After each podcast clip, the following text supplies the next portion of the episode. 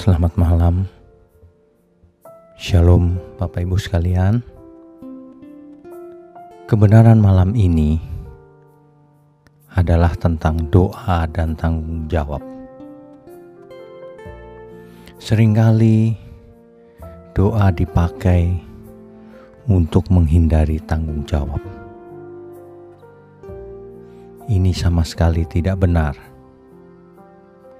Misalnya, jika seorang murid akan ujian, lalu ia berdoa semalaman, tetapi tidak belajar. Ini tentu saja salah. Orang yang tidak mengerti akan merasa hal itu adalah rohani, padahal sebenarnya itu bukan rohani. Itu adalah ketidakmengertian orang tidak rajin bekerja dan sebagainya digantikan dengan doa. Ini justru akan menjadikan sandungan bagi banyak orang. Sesungguhnya doa adalah komunikasi antara kita dan Tuhan. Tidak boleh dipakai sebagai pengganti dari tanggung jawab. Misal lagi, kalau kita berhutang sama sahabat kita, lalu kita berdoa supaya Tuhan yang bala, bayar. Ini kesalahan-kesalahan ini merupakan ciri orang-orang yang agamawi, tidak mengerti kebenaran.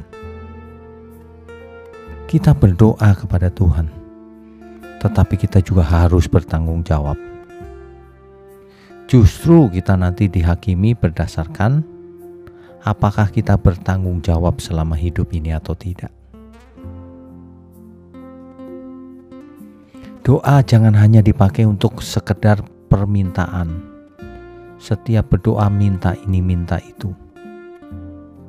Tentu saja minta itu tidak salah.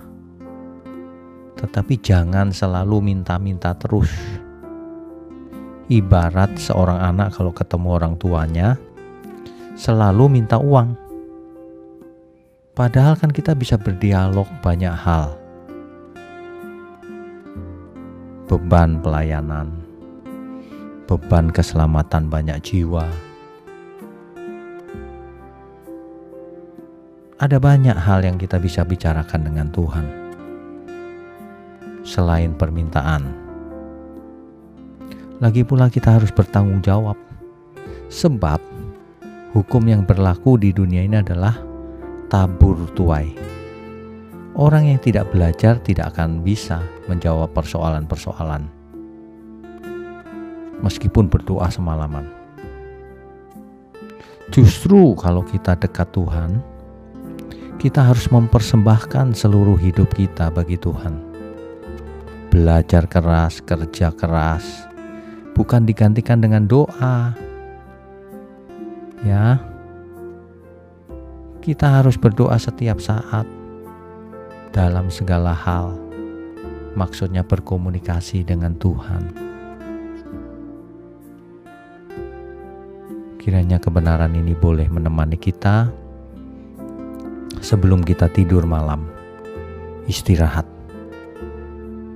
sehingga kalau kita mendengar kebenaran ini setiap malam, semakin hari akan semakin lengkap pengenalan kita akan kebenaran. Sehingga karakter kita akan didewasakan untuk menyenangkan Tuhan. Selamat malam, selamat beristirahat. Tuhan Yesus memberkati kita semua.